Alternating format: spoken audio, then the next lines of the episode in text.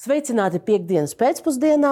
Ētrā ir raidījums Kāpēc? Un mans viesis šodien ir kultūras ministrs Nauris Puntulis. Viņa pārvaldītajā nozarē pēdējā laikā ir daudz skaļu notikumu. Gan skandāls ap Ogres muzeju, gan neskaidrība ap dziesmu svētku biļetēm, gan arī sabiedrisko mēdīju apvienošanas mēģinājumi. Tūlīt noskaidrosim vairāk gan par šiem notikumiem, gan arī par citiem tematiem.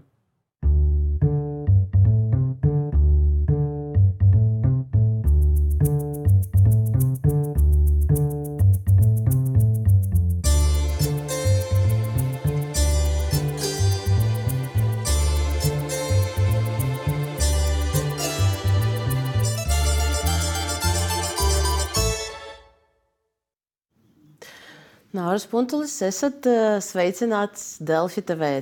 Labdien! Un mēs sāksim ar uh, aktuālāko iespējams jautājumu no visiem un skaļāko diskusiju, uh, kas arī ir kultūras ministrijas pāraudzībā, sabiedrisko mēdīju, Latvijas televīzijas un Latvijas rādio apvienošana.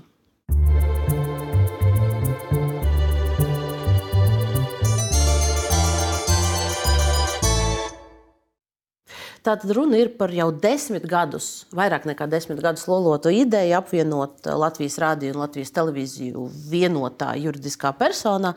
Eh, es sākšu ar tādu īsu konkrētu jautājumu, vai jūs joprojām atbalstat konceptuāli šo ideju? Protams. Uh, un, ja mēs runājam par detaļām, tad tur, kā saka, vēlns, vēlns ir detaļās, un tur, tur, tur viņš arī slēpjas. Jo uh, vienotas juridiskas personas izveidošana gandrīz tika, bija plānots, ka tā tiks, uh, šī ideja tiks apstiprināta šodien, vakar galīgajā lasījumā saimā. Bet apturēja šo straujo virzību, un viens no iemesliem ir tieši kultūras ministrijas iesniegtie priekšlikumi par, ar ideju no 26. gada pārtraukt, eh, veidot eh, saturu Krievu valodā sabiedriskajos mēdījos. Eh, tā ir jūsu konsekventa nostāja, ka šādam saturam tur nav jābūt. Bet jautājums ir par likumdošanas praksi kā tādu, jo pēc būtības šī ideja parādījās dienas kārtībā dažas dienas. Pirms galīgā lasījumā tiktu pieņemti grozījumi. Vai šīs ir lab, labs veids, kā virzīt tādu konceptuālu jautājumu? Labi, sākšu no sākuma. Es nepiekrītu tam, ka viens no iemesliem bija šie iesniegtie priekšlikumi. Gal, viens, no. viens no iemesliem. Es noteikti tam nepiekrītu, jo, kā jau tas publiskā telpā ir izskanējis, mēs, eh, vismaz kultūras ministrija, bija gatavi atteikties no šī priekšlikuma. Ja tas, ja, ja tas ir tas, kas šo lietu bremzē, mēs bijām gatavi no tā atteikties. Tāda bija vienošanās pirmdienas rītā. Es pie sevis biju aicinājis visu frakciju pārstāvis. Es pie sevis biju aicinājis arī Brandskundzi, kura vada cilvēktiesību komisiju, un mēs par to vienojamies. Mēs tieši tā arī teicām, ja šī ir problēma, ja šis rada problēmu, mēs mēs esam gatavi no šī atteikties. Taču galvenais iemesls, manuprāt, eh, galvenais iemesls, kādēļ šis jautājums nevirzījās uz priekšu, bija šī daudzu radiodarbinieku parakstītā vēstule, neatbildētie jautājumi. Tas, tas bija šis galvenais iemesls. Kas attiecas uz. Jā. Precizēšu, ka radio vēstulē šī uh, atteikšanās no satura Krievijas valodā un pēc būtības Latvijas radio 4 esošā formā likvidācija no 26. gada, tā bija liela daļa no, no šiem iebildumiem liela daļa, bet manuprāt, ne galvenā daļa. Manuprāt, galvenā daļa joprojām bija šis neskaidrais, neskaidrais finansējuma modelis. Arī, arī tad, kad bija šī diskusija pie Domburkunga, radio pārstāvis Tomsons, kā galveno iemeslu minēja šo neskaidrību par, par apvienotā mēdīju finansēšanas modeli. Protams, mēs to varam arī, arī pagriezt un tā teikt, ka galvenā, galvenā sadaļa ir tagad eh, kultūras ministrijas priekšlikums, bet tas noteikti nebija galvenais izšķirošais. Par finansēšanas modeli es jums noteikti pajautāšu, jo arī tas ir nu, kultūras ministrija veido, veido mediju politiku Latvijā. Bet, bet par to krievu, krievvalodīgo saturu kā tādu. Nu, kāpēc šī ideja pēkšņi parādījās? Jo šis 26. gads nebija nedz valdības deklarācijā, nedz jūsu priekšvēlēšanu solījumos, kā tāds kaut kāds mērķis. Jā. Bet pēkšņi mēs dzirdam šo, šo trīs gadu periodu, visiem tas ir jaunums. Jā, labi, es paskaidrošu. Uh, šis bija tikai priekšlikums. Pirmkārt, uh, otrkārt, es mazliet gribu atspēkot arī to, ko teica Brantas kundze par šo džentlmenisko vienošanās frakcijas starpā. Es, es, aicinātu, es aicinātu neiet varbūt ne, tas ne, tas nebūs šīs likumdošanas procesā kā tādā šobrīd, bet, bet tiešām nu, Jā. pēc trīs gadiem slēdzam Krievu saturu sabiedriskajos medijos. Pirmoreiz tas izskanēja tajā brīdī, kad, kad jau jābūt, jābūt tuliņu balsojumam. Atļauj, atļaujiet, Kur jūs tomēr... glabājāt šo ideju visu šo ne, laiku? Ne, šī ideja nekur nav glabāta, bet atļaujiet man secīgi. Tātad kultūras ministrija savu priekšlikumu iesniedz tad, kad redzēja, pēc būtības jau ir iesniegti priekšlikumi, kas šī likumā attiecas uz saturu. Tātad šī Pandoras lāde jau bija atvērta, un šis vairs nebija tehnisks priekšlikums par, par tehnisku apvienošanu, bet šeit jau bija priekšlikumi no deputātiem. Tanī mirklī tikai mēs iesniedzam savu priekšlikumu, un mēs bijām gatavi, kā es vēlreiz atkārtoju, to atsaukt. Kas attiecas uz priekšlikumu būtību, es esmu ļoti daudz diskutējis ar SEPLP pārstāvjiem, ar Sikšņu kungu par, par krievu valodas eh, lomu un vietu sabiedriskajā mēdījā. Un pat mūsu tik ļoti atšķirīgajos viedokļos par šo, mēs tomēr esam nonākuši pie viena secinājuma, ko Sikšņkungs ir apliecinājis, ka kaut kad mums šo soli vajadzētu spērt, un sabiedriskam mēdījam vajadzētu būt līdzīgai kā izglītībai tikai valsts valodā. Kaut kad. Un šī priekšlikumā mēs šo kaut kad iezīmējam kā priekšlikumu apsvērt 26. gadu. Kāpēc? Kāpēc 26. gadu? Ja, Tieši tikpat labi tas varēja būt arī 27. vai 28. Bet mums vienkārši konceptuāli reizi pa visām reizēm ir jāpieņem lēmums, ka mēs uz šo virzāmies. Tieši tāpat kā mēs 30 gadus virzījāmies uz lēmumu par izglītību tikai valsts valodā, un bija argumenti, tieši šobrīd ir tieši un precīzi tie paši argumenti, kādēļ mums nevajadzētu uh, izvairīties, ja kādēļ mums vajadzētu atstāt krievu valodu sabiedriskajā mēdījā. Es gribētu nospēlēt jums fragment no aizvakardienas, ja nemaldos, diskusijas Latvijas rādio, kur piedalījās Rihards Bambals, cilvēks no valsts kancelēs, no, no valsts pārvaldes, galvenais atbildīgais par strateģisko komunikāciju, kurš tātad veids pētījumus un redz šīs lietas kopsakarībā, ieskaitot to, cik mēs kā valsts esam gatavi pretoties Krievijas propagandai. Lūdzu, neliels fragments, un tad mēs varēsim turpināt karš joprojām turpinās, un īstenībā tas ir neatbildētais jautājums, laikam, cik ilgi tas karš e, ies. E, es aicinātu, laikam, ne, nepaļauties uz to, ka viņš varētu beigties rīt vai pēc mēneša vai pēc diviem, bet nu, rēķināties arī ar iespējamību, ka tie varētu būt vēl pat nu, teorētiski pat gadi. E, un izējot no šādas aspekta, nu, īste, tas par to stāsta par to īstermiņu un vidējo termiņu, ne, kādēļ ir nepieciešams joprojām saglabāt arī Krievlodā vismaz īstermiņā, ar īstermiņu saprotot arī, nu, ka tas ir vēl vismaz kamēr, kamēr turpinās karš un kamēr mums ir ļoti jāizmanto izmanto šī izdevība principā cīnīties par mūsu pašu eh, mazākumu tautību oh. prātiem un sirdīm, eh, informēt par Krievijas eh, kara noziegumiem Ukrajinā. Šis ir speciālists šajā jomā, valsts nolīgts galvenais komunikācijas eksperts. Jā. Viņš saka, ka kamēr karš turpinās, mums ir jākomunicē krievu valodā ar, ar tiem mūsu iedzīvotājiem, kuriem tas ir nepieciešams. Jā, un vienētais speciālists arī neteica, ka 26. gadā karš turpināsies vai beigsies. Viņam nebija atbildes uz šo jautājumu. Tieši mēs tā. ceram, ka beigsies šogad. Jā, bet mēs nezinām, vai, vai turpināsies tāda veida Krievijas Tieši propaganda. Tā. tā tad uz šo jautājumu speciālistam nebija atbildes, kad beigsies karš. Nav. Jā, bet, un tieši tā, un ja mēs runājam pieļāvumu izteiksmē, kā arī speciālists runāja pieļāvumu izteiksmē, tad arī pieļāvumu izteiksmē mēs. Arī kā speciālisti paredzam, ka 26. gadā karš būs beidzies, un mēs varēsim pāriet uz sabiedrisko mediju valsts valodā. Jautājums, vai te ir jānošķir specifisks gads, pat ja mēs runājam šis, šis um, nu, šo politisko uzstādījumu rāmjos, vai, vai, vai jāuzstāda gads, vai jāsaka, ka mums ir jāskatās tik ilgi, cik mums ir sabiedrības grupa, kura citādi tas ir, tas ir zināms procents kas citādi nesaprot, mums, mums viņi jāsasniedz ar šo informāciju. Jā, šo... Galu galā Somijā arī ir audiovizuālais saturs sabiedriskajos mēdījos, krieviski. Jā, daudzas valsts izvēlas katru savu politiku, un katru savu politiku veido, un arī mūsu tiesības ir veidot savu politiku. Un es vēlreiz uzsveru, ka šī kultūras ministrijas piedāvājumā prioritāri nebija gads, 26, vai 25, vai 27. Prioritāri bija tas, ka mums beidzot ir jāizdara lietas, ko mēs 30 gadu laikā neesam spējuši izdarīt. Līdzīgi kā Bambalkungs runāja par neizmantotām iespējām, arī šī iespēja šobrīd būtu jāizmanto. Kādus rīkus jūs piedāvāsiet, lai to auditorijas daļu, kurai šis saturs ir svarīgs, lai to auditorijas daļu uzrunātu? Ir jāsaprot, ka ir zināma auditorijas daļa, kuru mēs nekad nespēsim ne uzrunāt, ne sasniegt. Zinām, jā, jā, bet ir, ir cilvēki, kuri izvēlās patērēt gan Rusalesem audiovizuālo saturu, jā. gan LR4 saturu. Vai es esmu pārliecināta, ka viņi visi vienkārši pazūdot šiem, šim saturam, skatīsies panorāmu? Tas ir, Tas ir absolūts mīts. Pirmkārt, jūs runājat par izvēlēm. Jā, es piekrītu. Vārds izvēle diez vai tas attiektos uz, uz lietām, ko piedāvā valsts.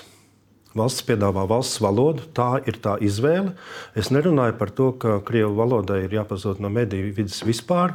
Jā, tad tie var būt komerci mediji, kas piedāvā šādu izvēli, ja kādam tā ir. Otrakārt, mēs, mēs šeit esam zināmā divkosībā. Mēs mēģinām lepoties ar to, cik labi mums veicās, kā ar vien vairāk uh, nelatviešu apgūst valsts valodu. Patiesībā ir pavisam, pavisam niecīgs procents tādu, kuriem ir problēmas ar valsts valodu. Un tad, kad mums ir jārunā par kādu radio vai sabiedriskā mediju radiostacija vai sabiedriskā mediju televīzijas kanāla, tad pēkšņi tā aina ir savādāka. Tad pēkšņi izrādās, ka tā ir milzīga daļa ar milzīgu ietekmi, un kuras mēs tuliņi nesasniedzot, notiks katastrofa. Ticiet man, mēs šos jautājumus esam pārnājuši arī ar attiecīgām institūcijām, un esam saņēmuši atbildi, ka šis ir mīts, ka tas ir tik ļoti aktuāls valsts drošības jautājums. Mēs to esam darījuši. Protams, jums bija konsultācijas ar valsts drošības dienestu. Tieši tā. Tieši tā.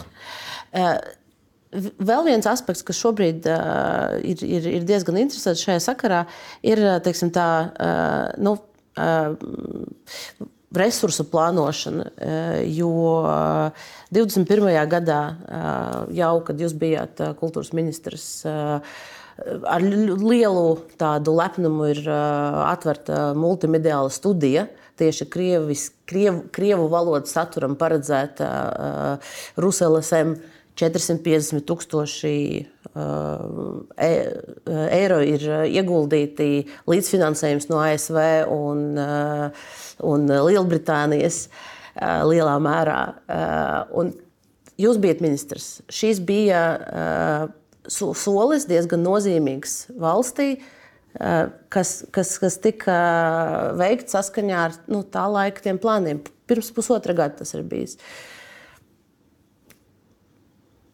Vai šis, ir, vai šis saskan? Nu, mums sanāk, ka, ka mēs esam nekonsekventi. Nē, es esmu vienmēr bijis konsekvents, taču ir lietas, bet kuras. Toreiz es... jūs neiebildāt. Jā, bet man nebija iespējas tāds ietekmēt. Man arī šobrīd nav tāds iespējas to darīt.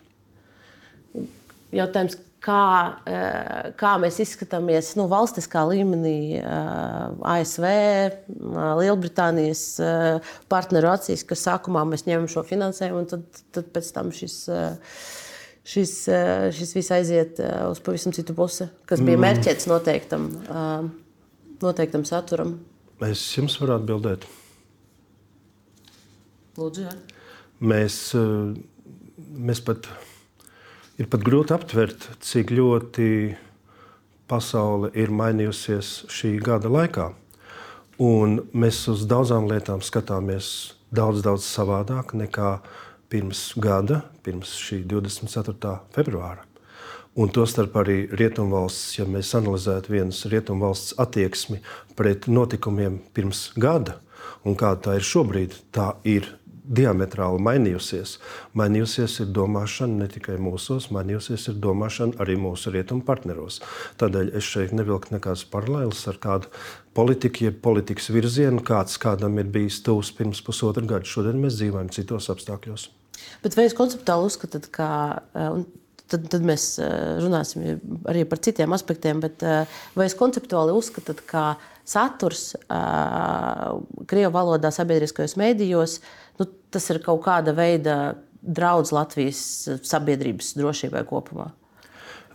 Noteikti ieguvums tas nav.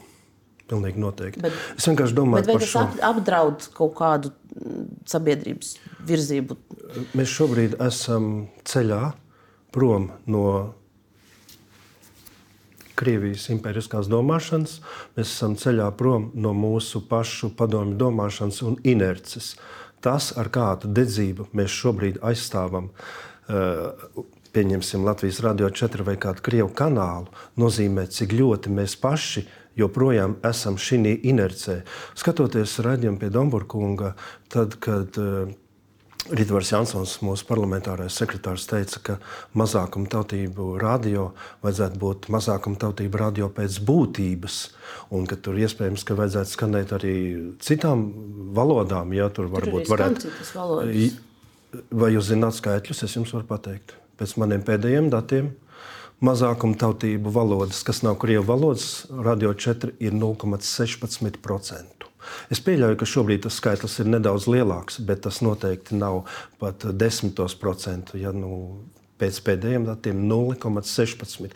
Tātad, tā vietā, lai tur skanētu, lai cik par to izteiktos skeptiski, lai mēs atbalstītu mazākumu tautības, kā piemēram Gruzīnas vai Ukrainas, kā kandidātu valsts uz Eiropas Savienību, mēs ar šo programmu turpinām to, ko darīja Padomu Savienība, respektīvi šos Ukraiņus un Gruzīņus pārkrievoja. Mēs rusificējam viņus. Es, pas, es aicinātu paskatīties uz šo arī no šāda skatu punkta. Un es patiešām šajā radio kanālā labprāt redzētu vairāk latviešu valodu, lībiešu valodu. Lielākā angļu valodas īpatsvara tiem cilvēkiem, kur dzīvo šeit un vēl nepārvalda valsts valodu, bet pārvalda angļu valodu, nu savādāk. Es to padarītu par īstu mazākumu tautību radio, nevis par krievu radio, Krievu rusifikācijas radio, kas eh, slēpjas aiz skaista nosaukuma mazākuma tautības radio. E, vai šobrīd tik detalizēti iesakot, kam ir jābūt saturā, jūs nepārkāpjat eh, savas kā ministra pilnvaras, eh, iejaucoties redakcionālajā neatkarībā? Es to saku jums, es to nesaku Latvijas Rādio 4. Es to saku jums kā žurnālistai, kā es redzētu Latvijas Rādio 4 kanālu nu, publiskie izteikumi ir, ir, ir, ir arī vērtējami šādā veidā. Bet uh, es solīju atgriezties pie jautājuma par finansējumu, te ir diezgan viens, viens specifisks jautājums. Uh, šobrīd piedāvātais modelis ir piesaistīt sabiedrisko mediju finansējumu pie uh, noteikta uh, rādītāja uh, nodokļu ieņēmumos, vai jūs konceptuāli atbalstat šo ideju? Tas ir, tas ir uh, Šajā sakarā viss, ko es gribēju noskaidrot. Un, ja es atbalstīšu, vai tā nebūs iejaukšanās reliģiskā neatkarībā? Bet kāda ir jūsu atbilde? Man atbilde ir konkrēta. Es esmu absolūti par to, ka vienīgais ceļš, kā nodrošināt sabiedriskā mēdīņa neatkarību, ir piesaistīt to konkrētam ar konkrētu procentu likmi. Jā, Ja jūs vēlaties to pārbaudīt, varat apskatīties manā iepriekšējā darbības periodā. Es šādu priekšlikumu tiku iesniedzis arī saimā. Tiesa man nebija ne savas partijas, ne koalīcijas atbalsts, bet subjektīvi, ja jūs vēlaties manu viedokli, mans viedoklis joprojām ir tas, ka tas ir vienīgais veids, kā nodrošināt patiešām sabiedriskā mediju neatkarību. Es saprotu, ka šeit ir disonance ar to, kā to redz uh, finansisti jā, budžeta veidošanas kontekstā, bet, eh, ja mēs skatāmies pēc būtības un ja mērķis ir patiešām sabiedriskā mediju neatkarība, tad es redzu to kā vienīgo ceļu. Ļoti īsi vēl pēdējais par, par, par, šo, par šo stāstu.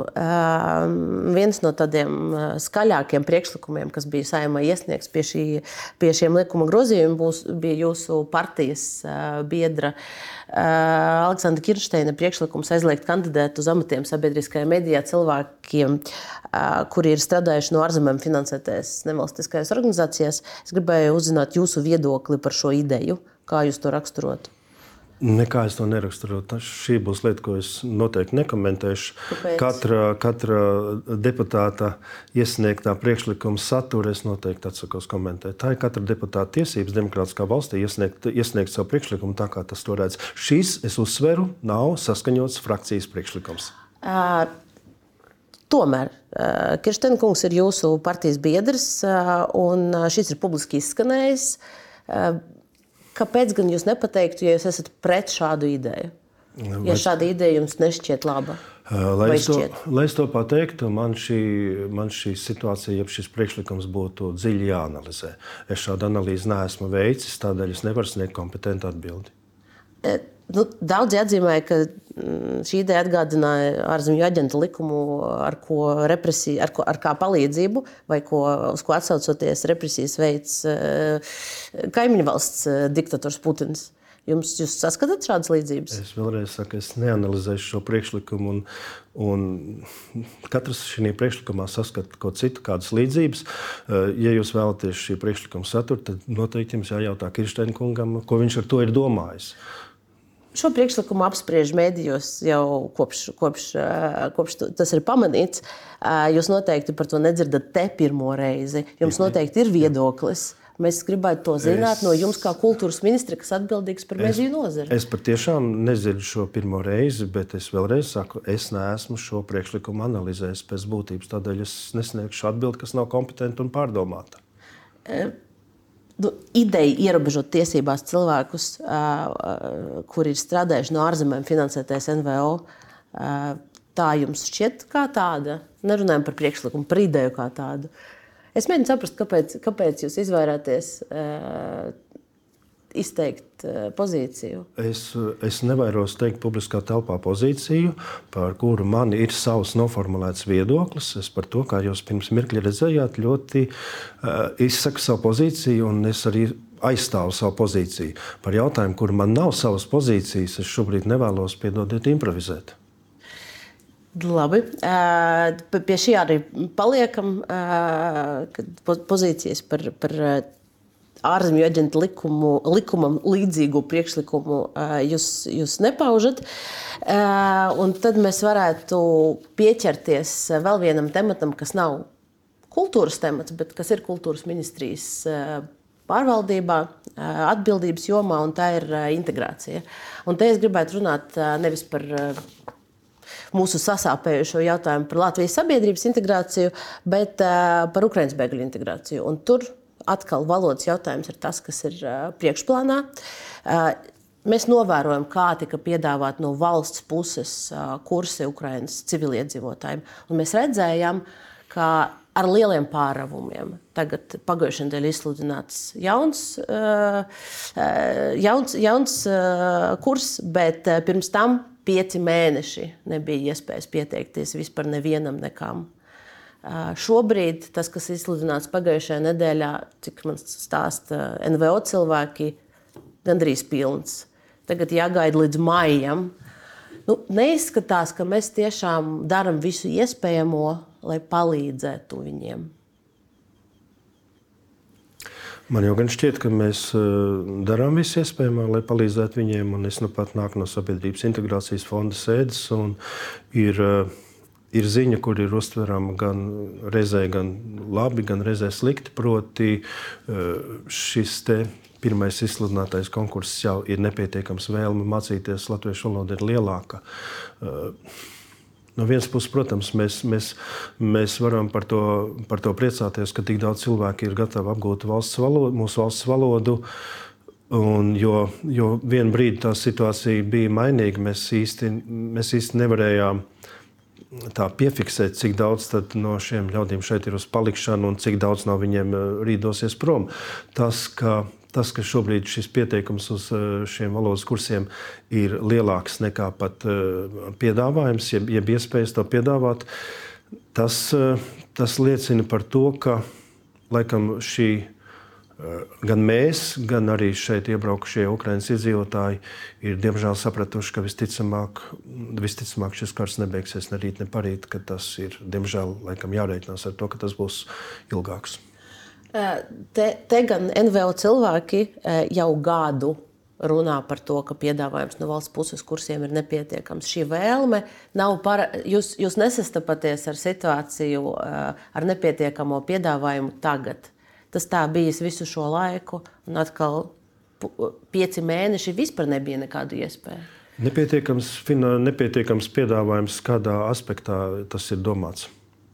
Finansiālā? Nav, nav pieejami kursi līdz šim brīdim, līdz ma maijā, cik es saprotu, būs iespēja visiem, visiem studēt gribētājiem pieteikties.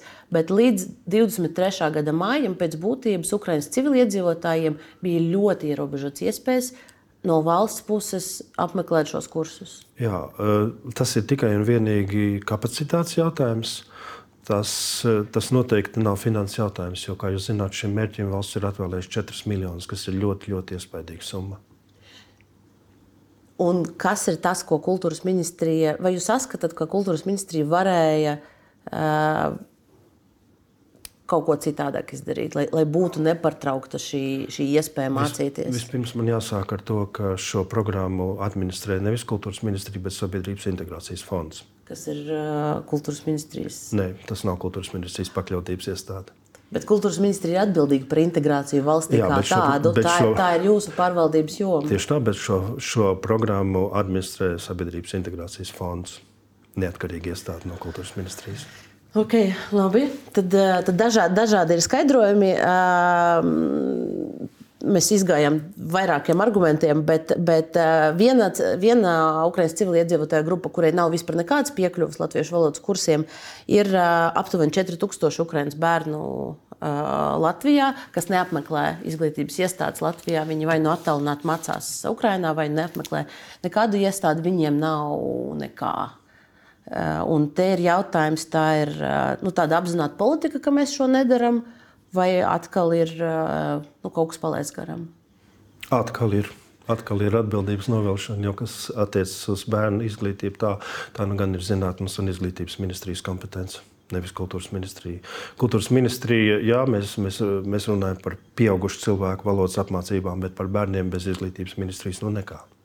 Nekā, bet vai jūs versities pie kultūras, pie izglītības ministras, varbūt sanāksmi kaut kādu rīkojāt, ka lūk, jo nu, jūs nevarat pateikt, ka veca ir viena ģimene, pieaugušie ir mūsu atbildība, a bērni, nu tā ir tā tur cita ministrija, lai tak viņi uh, strādā. Tas, ir, tas sanāk nu, mazliet birokrātiski. Nu, protams, nav jau tik vienkāršot, kā jūs to sakām. Protams, ka izglītības ministrija meklē, meklē arī atbildes uz šiem jautājumiem, par to nav šaubu. Un, un jūs mēģināt kaut ko no savas puses palīdzēt, eh, apvienot, eh, sarīkot, eh, atkal darba grupu, galu galā varētu kaut kāds savākt. Vai, vai ietekmēt? Nu, nē. Protams ka, protams, ka es nevaru ietekmēt citas izglītības kompetences. Mēs varam tikai sadarboties, un to mēs arī darām. Jūs aicinājāt ko, izglītības ministriju uz kaut kādu nezinu, sadarbības formu, lai atrisinātu šo, šo, šo Ukraiņas civiliedzīvotāju bērnu uh, integrāciju? Šis atkal ir izglītības ministrijas un sabiedrības integrācijas fonda sadarbības jautājums. Tā sanāk, ka viss vis, vis ir citu, citu, Jā. citu iestāžu atbildība, bet uh, integrācijas politika ir jūsu uzdevums. Ir, ir. Un mēs te redzam, ka ir integrācijas politikā nozīmīgs robs šie bērni.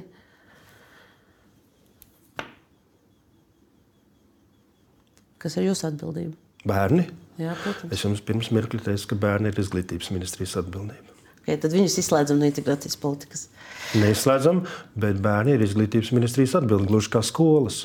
Jebkura skola ir izglītības ministrijas atbildība, un skolas vecuma bērni līdz ar to arī. Jautājums, vai kultūras ministrija atkritās no atbildības, vai, Nē, vai, vai, vai, mēģina, vai mēģina atrast uh, kaut kādus kopsaucējus uh, un kā horizontālas uh, Jā, sadarbības. Horizontāla sadarbība ir sabiedrības integrācijas fonds, kurš satiekās kultūras un izglītības ministrijas un meklējam horizontālus risinājumus. Labi, tad, tad, tad palikām pie šī un, un gaidīsim, iespējams, kaut kādas izmaiņas arī tur. Um, Krievijas pilnā mēroga iebraukums Ukrajinā ir uh, ietekmējis ne tikai nepieciešamību palīdzēt uh, Ukraiņas civiliedzīvotājiem, izraisījis to ne tikai ietekmēs mūsu medijus, uh, bet nu, pēc būtības arī Latvijas kultūras jomu kā tādu. Un, uh, turpmākajā raidījuma daļā es par to gribētu runāt ar jums.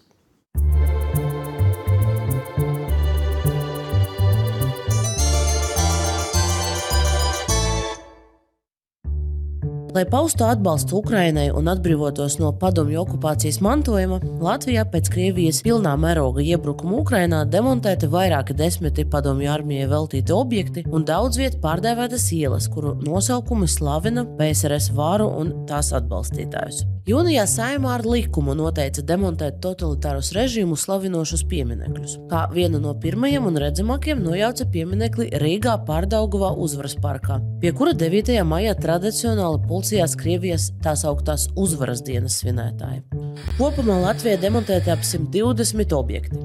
Rīgas domas pieminiektu padome šomēnes mudinājusi no galvaspilsētas centra aizvākt rakstnieka Andreja Upīša un dzinieka Aleksandra Puškina pieminekļus, kā arī padomju militārā kompleksa izstrādātāja Keldeša krūšu tēlu. Tāpat nerimstas diskusijas par ielu pārdevēšanu. Tajā skaitā izskanējuši mudinājumi mainīt Maskavas ielas nosaukumu. Tikmēr dažādas kultūras jomās notiek diskusijas par norobežošanos no tiem, kas par Krievijas agresiju klusē vai to atklāti atbalsta. Piemēram, pretrunīgus viedokļus izraisīs jaunā Rīgas teātra lēmums pieņemt darbā Krievijas aktrisi Čulpanu Hamatovu, kura iepriekš piedalījusies Putina priekšvēlēšanu kampaņās, bet tagad pārcelusies uz Latviju un kara nosodu. Diskusijas raisījusi arī latviešu populārās operas dziedātājas Elīnas Garančas dalība Vīnas operas izrādē ar Putinam pietuvināto operas dziedātāju Annu Triepko. Un sankcijām pakļautā Krievijas uzņēmēja Piotra Avena porcelāna kolekcijas izstāde, kas tika plānota pēc Ogres mēra Egila Helmaņa iniciatīvas, bet atcelta pēdējā brīdī. Un mēs parunāsim par, par visu, gandrīz par visu, kas, kas šajā, šajā stāstījumā bija pieminēts. Bet, uh, sāksim ar eh, notikumiem Ogrē. Eh, turpinājums šim stāstam arī bija šonadēļ. Tūkstotis sabiedrības un organizāciju pārstāvju pievienojas atklātai vēstulei par demokrātijas apdraudējumu Ogres novadā. Bet es sākt es gribēju no paša, paša, paša šī, stāsta sākuma. Ogres muzeja bija jānotiek izstādēji ar Piotra Avena kolekcijas porcelānu. Uh, Eh, Helmiņa kungs pats vairāk kārt ir teicis, ka viņš ir inicijējis šo, šo visu stāstu. Avens Putinam tuvs oligarhs. Eh, un jūsu vērtējumi publiski februārī, kad šis viss stāsts uzsprāga, bija, eh, ka Helmiņa rīcība citāts ir bijusi pārsteidzīga. Kolēģiem no nekā personīgi jūs teicāt, ka mm, Helminis pārsteidzies tajā, ka šo izrādi mēģināja rīkot tieši šobrīd, mēnesī, kad būs briesmīgā kara gada diena. Nu, no šī var secināt, ka jūsu galvenā pretenzija bija, uh, ka nu, laiks ir neveiksmīgi izvēlēts. Nevis savana personība kā tāda. Uh, nē, es domāju, laiku pārsteidzīgi mazliet plašākā nogriezienī. Šeit domāju, es uzsvēru jā, šo kara gadienu, bet pārsteidzīgi pirmkārt jau kara kontekstā. Un droši vien pārsteidzīgi arī tas, nu, cik man ir informācija, arī Avena personība, jeb tās sasaiste ar Kremli vai nesasaiste ar Kremli, joprojām, joprojām tiek nu, varbūt vērtīta vai, vai vērtēta. Tādā ziņā es to biju domājis. Katrā ziņā es nekad neesmu apgalvojis neko citu, ka šī bija Helmaņa kunga kļūda, absolūta kļūda. Uh okay, ja mēs runājam par kļūdu, tad jautājums ir par to, nu, kur tieši kļūdījās. Jo, jo, un, un vai tika mēģināts saprast, kāda tad ir Helmaņa attieksme pret Avenu, kādas ir tās attiecības, ka var vienkārši tā aizbraukt un paviesoties Avena mājās, kas ir noticis. Un šis bija arī tas ļoti nu, asi vērtēts un nosodīts solis no Nacionālās apvienības politiķa puses. Neaizmirsīsim. Jūs esat Helmanim prasījis, runājis ar šo, par šo? Ja godīgi, tad neesmu. Kāpēc? Nu, varbūt man ir pietiekami daudz darāmā, lai, lai runātu individuāli. Šis jautājums jau tik daudz publiskā telpā tiek runāts, ka uzdot uh, tik personisks jautājums Helmaņa kungam, es to neesmu darījis. Ne? Nu, jūs eh, runājat par eh, ogres operetes iespējamo nākotni. Tam, tam, tam jums, jums bija pieticis laiks. Tam bija pieticis runāt, laika, jā. bet tas bija pirms, pirms parādījās idejas par šo gadījumu. Kopš kopš šis, šī Helmaņa kunga ideja par izstādi ir bijusi klajā, mēs neesam ar Helmaņa kungu personīgi tikušies. Uz, uz eh, Nacionālā apvienības iespējams valdi varbūt varēja viņu pasaukt. Eh, šī ideja izskanēja, Helmanis skaidroja, ka viņš esot slims. Uh, nu, ir jau divi mēneši pagājuši. Es tiešām nezinu, vai Helmaņa kungs ir bijis Nacionālās apvienības valdē par šo runāt. Jūs valdes loceklis? Es esmu valdes loceklis, bet es atzīšos godīgi savas noslogotības dēļ. Es neesmu uz visām valdes sēdēm. Tas nu gan. Es varbūt izteikšu uh, savu uh, personīgo viedokli, bet, uh, bet man pārsteidz, ka ņemot vērā šīs situācijas nopietnību, uh, nu, jūs, kā kultūras ministrs, kā Nacionālās apvienības valdes loceklis, nu, necentāties nenoskaidrot Helmana viedokli, ne kaut kā izprašņāt viņu sīkāk valdē. Šis nav tāds ierindas gadījums. Tas ir Nacionālās apvienības politiķis, kurš privāti tiekas ar cilvēku, kas 24. februārī kopā ar Putinu sēdēja vienā zālē. Jā, ar cilvēku, kurš vienu sankciju sarakstā ir un otrā nav. Un kādu secinājumu no tā izdarāt? Nu, tas ir izdarījis secinājums, ka Helmaņa kungs droši vien tas bija Helmaņa kunga. Droši vien es saku, galvenais arguments, ja, ka nu, šī situācija nav tik skaidra vai tik neskaidra, jeb tik nepārprotama. Es pieļauju, tas ir mans pieļāvums. Kas tieši nav, ir, ir neskaidrs? Nu, tieši tas, ka Avenkungs konkrētajā brīdī vienu sankciju sarakstā atrodas, un otru sankciju sarakstā neatrodas. Vai, vai, vai salīdzinot ASV un, un Eiropas Savienības sankciju sarakstos, mēs vērtēsim, vai cilvēks tuvs vai ne, nav tuvs Putinam? Nē, es vienkārši saku, ka lielākoties gadījumā eh, situācija ir ļoti nepārprotama. Cilvēks ir abos sankciju sarakstos, un droši vien, ka nav daudz tādu gadījumu, kur vienā, vienā sankciju sarakstā cilvēks ir un otrā nav. Nu, tam ir kaut kādi iemesli, un visticamāk, es saku vēlreiz, tas ir mans pieļāvums, ka tas bija tas eh, iemesls, kādēļ Helmaņa kungs eh, kļūdījās, izdarot šo patiešām, patiešām nozīmīgo kļūdu. Par to jau nav diskusija, ka tā ir kļūda. Kā jūs pats vērtējat eh, Piotra Avena personību? Kas viņš ir jūsuprāt? Visā šī stāstā es droši vien, kā jau es arī pašā sakoties šim briesmīgajam karam, pirmā lieta, ko es darīju, es rosināju novilkt robežu starp 24. februāri, viss, kas bija pirms tam un viss, kas bija pēc tam, un nelikt to vienā katlā.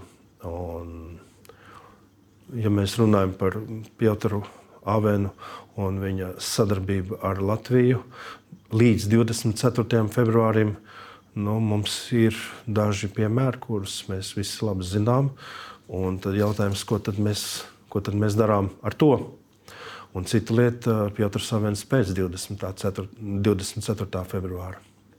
Līdzīgi kā arī es paudu savu nostāju attiecībā par mūsu pašu mākslinieku nosodījumu, kur arī sabiedrībā bija viļņošanās. Es arī aicināju novilkt šo robežšķirtni 24. februārī. Par to mēs vēl parunāsim, bet Jā. es jums, un, un pie Jāvena atgriezīsimies, bet man jums ir konceptuāls jautājums, vai jūsuprāt karš sākās 24. februārī? Uh, nē. Karš sākās daudz agrāk, karš sākās ar Krimas okupāciju. Te mums būtu katram jāatbild uz jautājumu, cik katrs no mums ir bijis aktīvs šī laika posmā starp Krimas okupāciju un 24. februāri. Un es domāju, ka mums lielai daļai sabiedrības nebūtu vienkārši atbildēt uz šo jautājumu. Un starp mums būtu ļoti maz tādu, kur varētu tiešām liekot roku uz sirds, teikt, jā, es kopš Krimas okupācijas jau esmu aktīvi iestājies pret šo. Jūs arī nesat viens no tiem cilvēkiem. Droši vien, ka nē. Droši vien, ka nē. Jo arī, arī es esmu varbūt, apmeklējis kādus izcilus mākslas eh, notikumus Rīgā, nepainteresējoties detalizēti, kas ir finansētāji. Droši vien, ka kaut ko tādu atrast arī manā biogrāfijā. Par kuriem notikumiem jūs runājat? Kas, kas ir tie notikumi, kur jūs bijāt, un jūs tagad domājat, man tur nebija jāiet?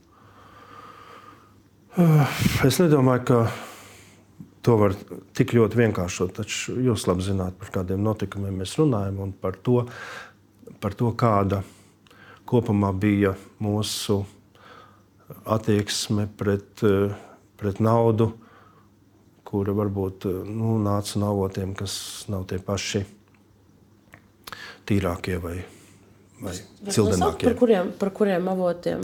Es negribētu teikt neko konkrēti. Es Kāpēc? domāju, ka liela daļa sabiedrības to zina. Nu, jūs tiešām jūs sakoties karam, jūs runājat par to, ka mēs bijām pārāk pielaidīgi pret Krievijas Tieši naudas ietekmi Tieši Latvijas tā. kultūrā, un ka tagad ir skaidrs, ka tā ir asins nauda. Jautājums, nu, jūs to teicāt, jautājums, ko jūs gribējāt ar to pateikt? Kura tad nauda, kas bija ieplūdusi Latvijas kultūrai, ir asins nauda? Ja jūs, jūs, jūs teicāt tādu apgalvojumu, nu jums ir jāpamato, ko jūs tajā brīdī bijat ar to domājis. Es ar to biju domājis, jebkurus Piotra Avena fonda paudzē atbalstītos pasākumus. Bet tomēr brīdī, kad Nacionālās apvienības jūsu kolēģis Ogres Merhelmēns tiekas ar Avenu, cilvēku, kura nauda ir asins nauda, nu, tad vairs mēs neesam pret viņu tik ļoti jāsī izteikumos. Kāpēc? Es nekad neesmu mazs savos izteikumos. Nu, asins nauda ir diezgan spēcīgs apgalvojums. Tiešām tas ir mans citāts. Jā, tas ir jūsu citāts. Es varu precīzi piemeklēt, bet uh, tur, tur bija. Jā, jā. Labi, pie tā arī paliksim. Nu, bet te, te, ir, te, te ir pretruna. Vai ir pretruna? Es nesaprotu, kur ir pretruna. Es taču teicu, ka tā ir Helmaņa kunga kļūda. Bet, kad es jūs lūdzu novērtēt, kas ir Piotrs Avens, tajā brīdī jūs teicāt, ka nu, viss nav tik nozīmīgi, tur vēl tiesvedības joprojām notiek, un, un visos, visos sankciju sarakstos viņš nav. Tāpēc nu, tā varēja secināt, ka nu, tas, tas, tas Helmaņa brauciens pie viņa jau tik slikts nebija. Ne. Šis, ir, šis ir tas, Jūs man nepareizi sapratāt. Nu, izskaidrojiet, Jūs varbūt citādi. sapratāt. Es nevienā mirklī negrasos būt Avenkunga advokāts. Pilnīgi noteikti nē. Taču es pieļāvu un izteiksmē teicu, ka iespējams, ka šī situācija vai uh, Avenkunga vērtējums no dažādām sankciju paketēm dažādais varētu būt tas, kas ir samulsinājis Helmaņa kungu izdarīt šo kļūdu. Tā es teicu. Labi, pie tā mēs varam palikt. Arī pats Helmans šādā veidā to ir skaidrojis. Viņš arī skaidrojas, ka brauca, brauca pie, pie Avena saprast viņa nostāju. Bet vienlaikus brīdī, kad jūs, jūsu vadītas partijas zin, redzams biedrs brauc pie asins naudas avena, kā jūs tikko pats definējāt. Divi mēneši ir pagājuši, un, un nav bijis ne asu izteikumu. Nu, kļūda tas ir diezgan, diezgan maigi. Nē, jūs mēģinājāt ar viņu tikties. Valdē arī visticamāk netika izprašņāts. Es mēģinu saprast to pielaidību. Vai šī nav pielaidība? Nu, ko jūs no manis sagaidītu? Atbildi. Tiesas spriedumu vai tādu? Es jums atbildēju, šī bija kļūda no Helmana kunga puses. Absolūta kļūda. Un no jūsu puses nemēģināt noskaidrot un asāk nosodīt? No manas puses es mēģinu sev, sev dot atbildi, kādēļ Helmaņa kungs, kurš ir ļoti labs praktiķis savā pilsētā, rūpējoties par pilsētas iedzīvotājiem, Helmaņa kungs, kurš ir ļoti nacionāli noskaņots politiķis, kādēļ viņš šādi ir kļūdījies. Bet viņam jūs to nesat prasījis. Es domāju, ka Helmaņa kungs uz šiem jautājumiem ir atbildējis gan publiskā, gan mazāk publiskā formātā tik miljonus reižu, kad apgrūtināt vēl ar savu jautājumu. Es vienkārši to neesmu darījis. Jā. Mēs varam noskatīties nelielu fragment no Helmija kunga intervijas kolēģim Rēdrim no Latvijas televīzijas raidījumā viens pret viens. Kā viņš skaidro to savu komunikāciju ar Avenu? Īs fragments, un tad, tad es uzdošu jautājumu jums. Tas, ko es noskaidroju, patiesībā, es noskaidroju to, ka jā, 24. februārī Avenkungs bija Kremlī, eh, un viņš uz to Kremli bija izsaukts. Ja viņš nebūtu aizgājis, viņš riskētu ar savu dzīvību. Un viņš izējot ārā no tā Kremļa, aiztaisīja Kremļa durvis, un tādā pašā dienā viņš atlidoja uz Londonu, un vairāk Krievijā nav rādījies. Jo tas Avens neko nevēlējās. Viņš arī nevēlējās publicitāti, viņš nevēlējās izstādi. Viņš ir nobijies par savu dzīvību, un viņš eh, baidās no eh, Putina režīma. Es nezinu, ko jūs sadzirdējāt šajā intervijā. Es sadzirdēju uh, Piotra Avena attaisnošanu, ka nu, nemaz tik slikts viņš nav. Jūs nemulsināt tas, ka cilvēks, kam, kam, jūs, nu, kam Nacionāla apvienība pēc būtības piedeva šo kļūdu, jo nekādas sekas un arī izteikumi nosodījums nesakoja. Nu, tas ir tas, kas no, notiek. Putina uh, oligarha attaisnošana. Nu, sakot, ka Helmaņa kunga rīcība ir bijusi kļūda un tā ir bijusi nepareiza, nu, es to nedēvētu par attaisnošanu. Bet jūs saskatāt problēmu tajā, vai, at, ka... vai attaisnošana vai neattaisnošana nozīmē tagad Helmaņa kungu notiesāt, nogalināt vai kaut citu, jā, vai nepietiek ar to, ka mēs sakām, ka šī ir bijusi kļūda un šī rīcība nav bijusi pareiza. Tas nav viennozīmīgi, ka tā ir attaisnošana. Es to tā neuzskatu. Bet jūs, sas, jūs, jūs saskatāt problēmu tajā, ka uh, nu, vismaz šajā intervijā, šie vārdi nav atsaukti nekādā veidā. Uh, viņš nu, aizstāv avenu. Tas, tas manā vērtējumā atkal, kā es, tas, ko es tur sadzirdu, ir, ir avena attaisnošana. Nu, re. Te jau jūs pat atbildējāt. Jūs nepiekrītat, jūs to jūs pat atbildējāt uz jautājumu un sakot, ka jūsu vērtējumā. Jūs, jūs, jūs nepiekritat. Nē, mums katram, katram var būt savs vērtējums par šo situāciju. Es jau, man liekas, trešo reizi varu teikt, ka manā vērtējumā tieši tas uh, Helmaņa kunga uh, optimistiskais skats uz Avenu kungu bija tas, kas ļāva viņam, ļāva viņam izdarīt šo kļūdu. Mēs katrs uz šo varam raudzīties nedaudz savādāk. Un, nu, droši vien mans skats uz Avena kungu nav tik optimistisks kā Helmaņa kungam, bet mums ir katram, katram savs redzējums, gan man, gan jums, gan Helmaņa kungam. Bet jūs tā mazliet izvairieties no tās atbildes, bet Avens, jūsuprāt, ir. Nu, teiksim, kas viņš ir? Putina sabiedrotais, Putina oligarhs. Nu, kas, kas, kā jūs viņu redzat šobrīd?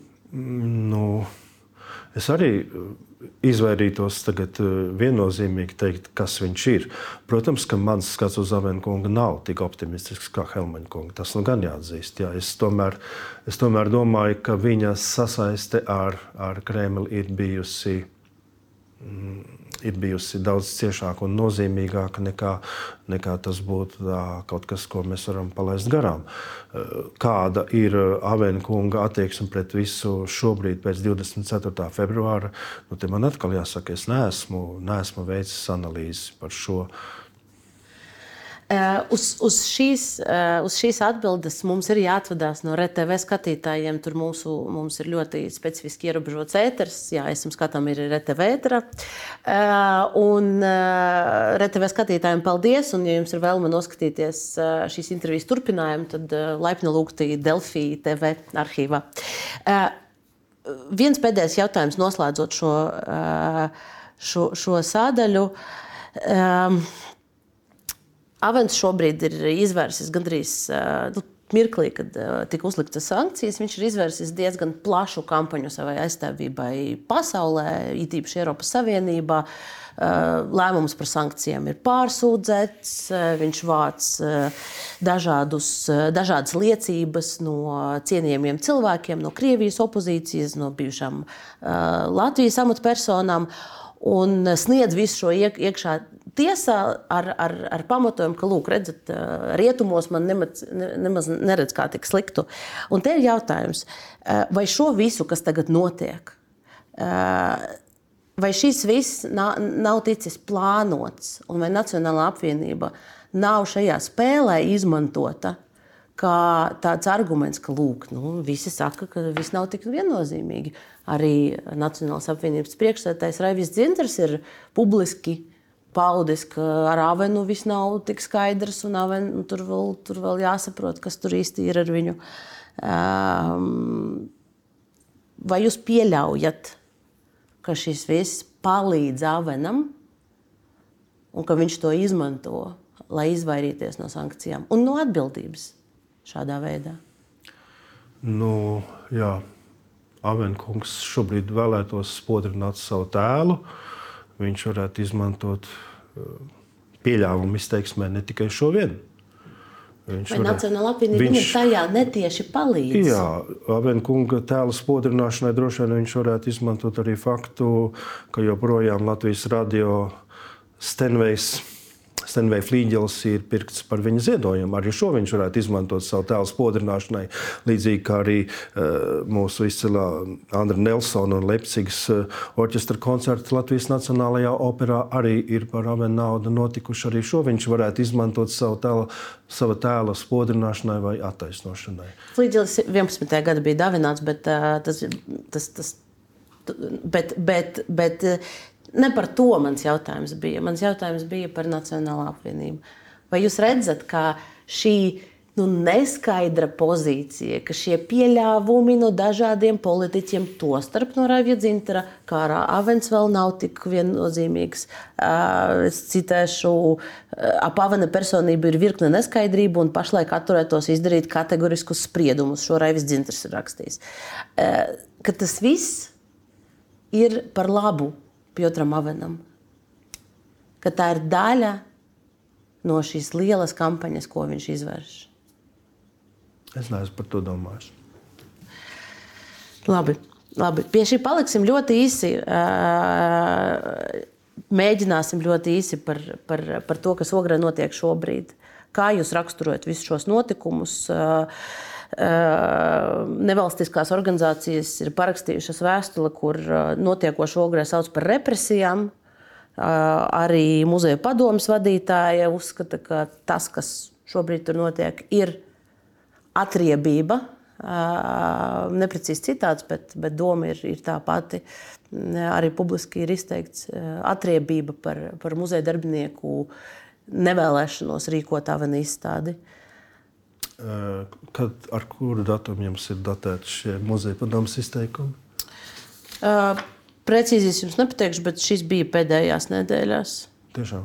Jā, uh, intuitīvi jūtams, ka pašvaldība izdara spiedienu uz muzeja darbiniekiem. Nu, re. no Letā. Nu, re. Pie tā mēs arī paliekam. Bet kāds ir jūsu viedoklis?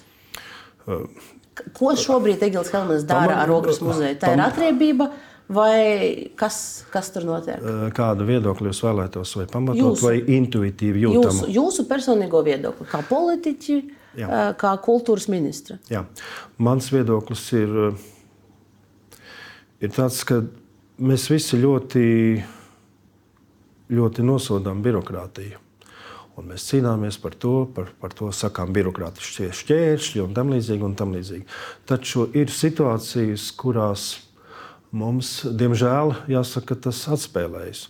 Un šī ogres, eh, ogres gadījums ir viens no tiem.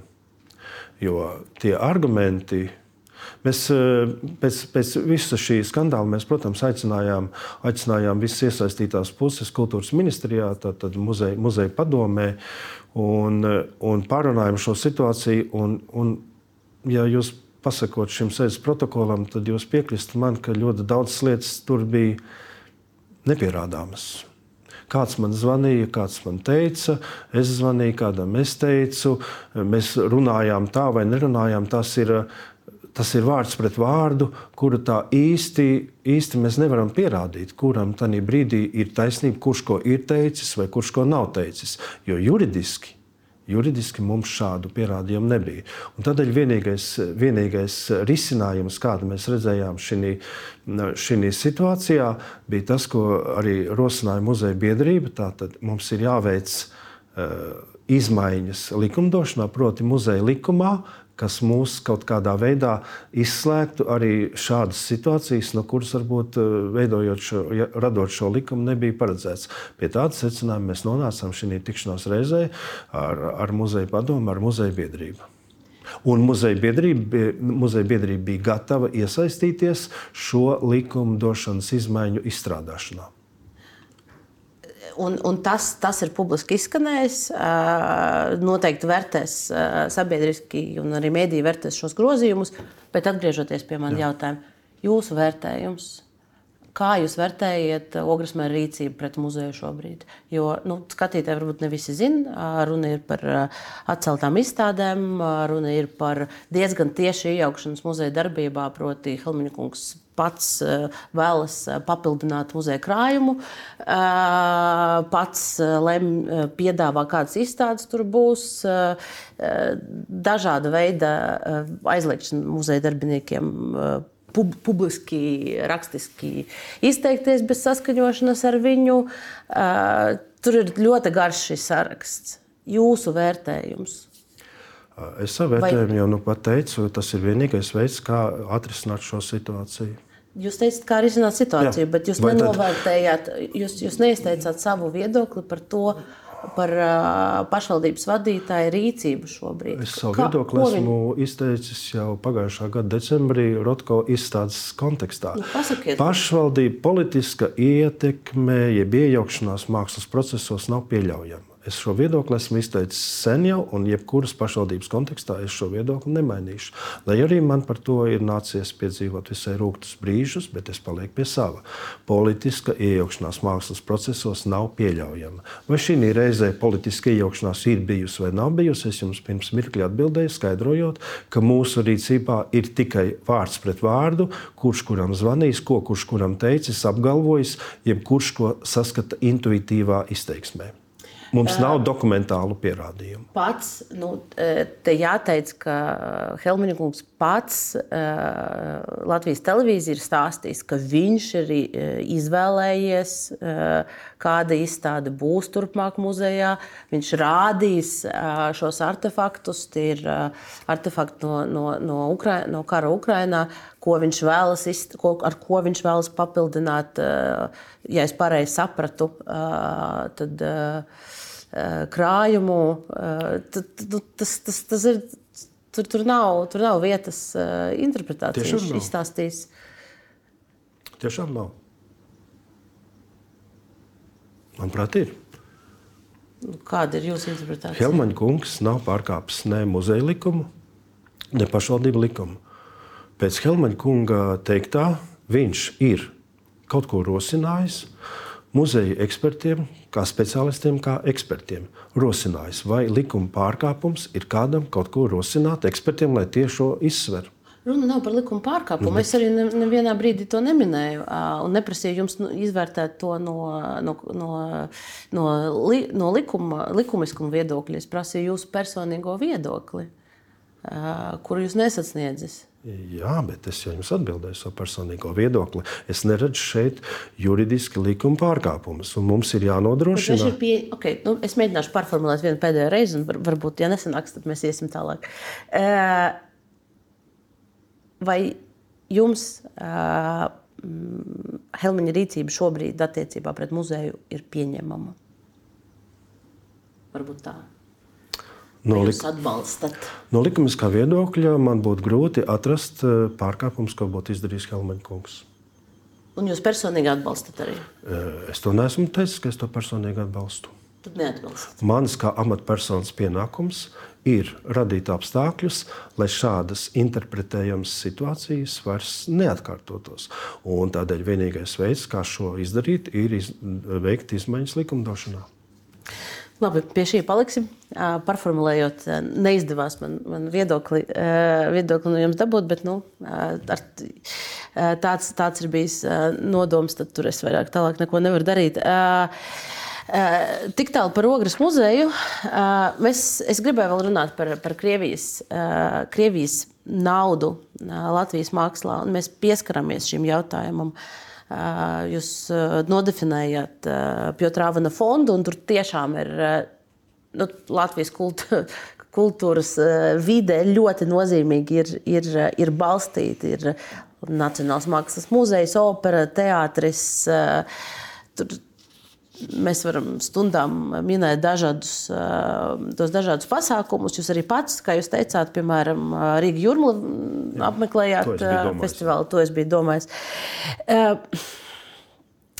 Bet ko mēs tagad varam darīt, lai mēs negaidītu, ka nacionāla kultūra finansēs kāds, kura nodom, par kuru nodomiem mēs neesam pārliecināti? Jo šī vieta tukša nepaliks.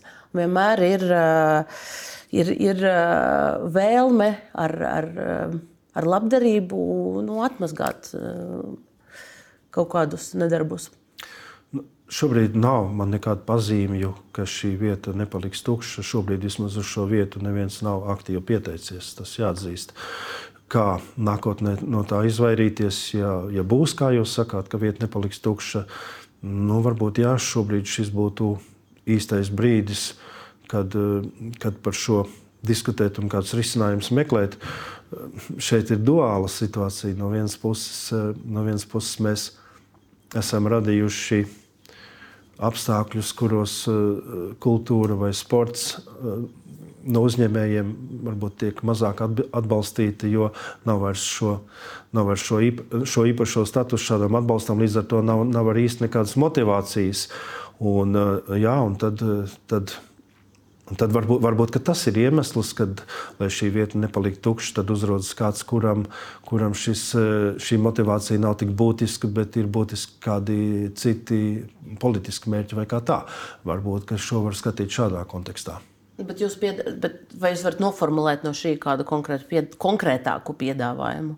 Ne, konkrēti piedā, uh, konkrēts piedāvājums, jā, mēs varētu šobrīd atgriezties diskusijā par, uh, par nodokļu atvieglojumiem, uh, sponsorējot kultūras un mākslas pasākumus. Es, es labprāt atgrieztos šajā diskusijā. Jautājums, vai, vai kāda veida filtrs, filtrs ir uzliekams, jo, jo nu, ir, ir lielvaras pasaulē, kas, kas to tā saucamo maigo varu ne, ne, uh, realizē. Nu, ja mēs ejam atpakaļ uz šo, nu, ne, ne, es, es, Ķīnas es, fonds ne, ne, gribēs ne, ne, atbalstīt ne, ne, ne. Latvijas es, es, gribēju, es biju domājis tieši sapratu, mūsu jā. valsts kontekstā. Es sapratu, jā, bet jā. no. no, no ieguldījumu filtra, vai, vai tur ir kaut kas, ko Bet, ja nu mums izdotos eh, šo ar visiem plusiem un mīnusiem, ko šī sistēma kādreiz ir devusi, un ar visiem tiem mīnusiem, kādēļ mēs to esam pārtraukuši, ja nu mums izdotos atrast tādu jēgpilnu modeli, atgriezties pie kaut kā līdzīga, varbūt mēs varētu būt arī daudz piesardzīgāki pret jebkādām investīcijām no, no ārpasaules.